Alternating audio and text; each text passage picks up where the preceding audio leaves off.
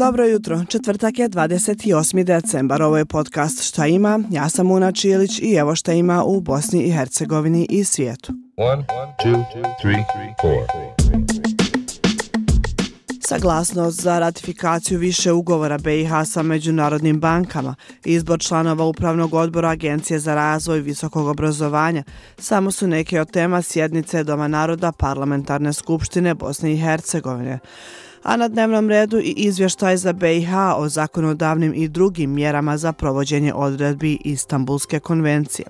Radi se o konvenciji Vijeća Evrope o spješavanju i borbi protiv nasilja nad ženama i nasilja u porodici, čiju implementaciju nadzire Grevio odbor, koji također donosi i preporuke za zemlje. Istanbulska konvencija je instrument koji obavezuje države na borbu protiv nasilja nad ženama.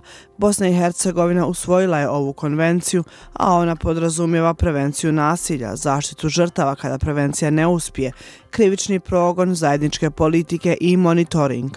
BiH nema zvanične podatke o ubistvima žena, ali prema podacima koje VSTV ima u periodu od 2021. do 2022. godine u zemlji je ubijeno 19 žena.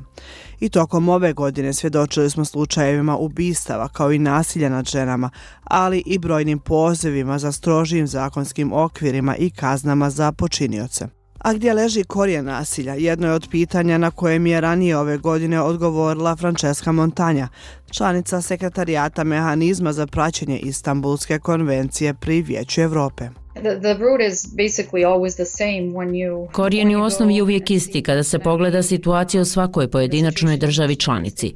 Istanbulska konvencija je jasna i govori da je nasilje nad ženama u suštini manifestacija historijski nejednakog odnosa moći između žena i muškaraca, što je dovelo do dominacije i diskriminacije muškaraca nad ženama, kao i do spriječavanja napredovanja žena.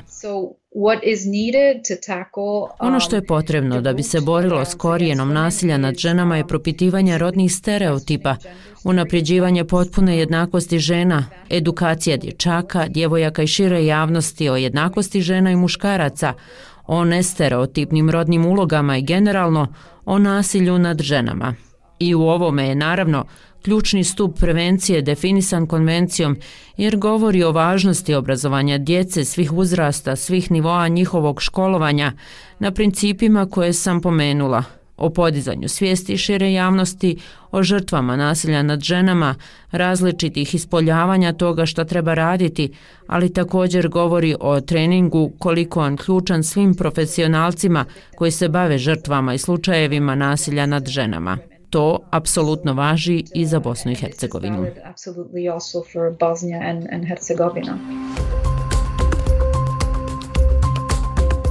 Danas je i sjednica vijeća ministara, a ministri bi trebali da razmatraju nacrt zakona o izmjenama i dopunama zakona o Visokom sudskom i tužilačkom vijeću a vlada Republike Srpske danas bi trebala donijeti odluku kolika će biti najniža plata u ovom BH entitetu.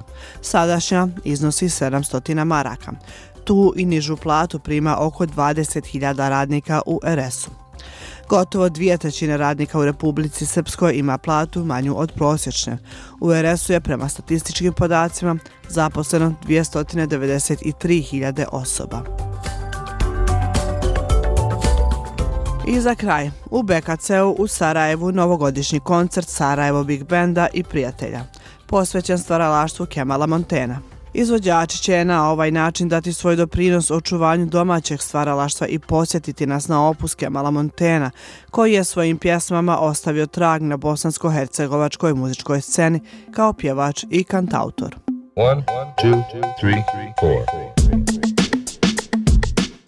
Je ukratko od mene za danas. Sretan ostatak dana, čujemo se neki drugi put. Ćao!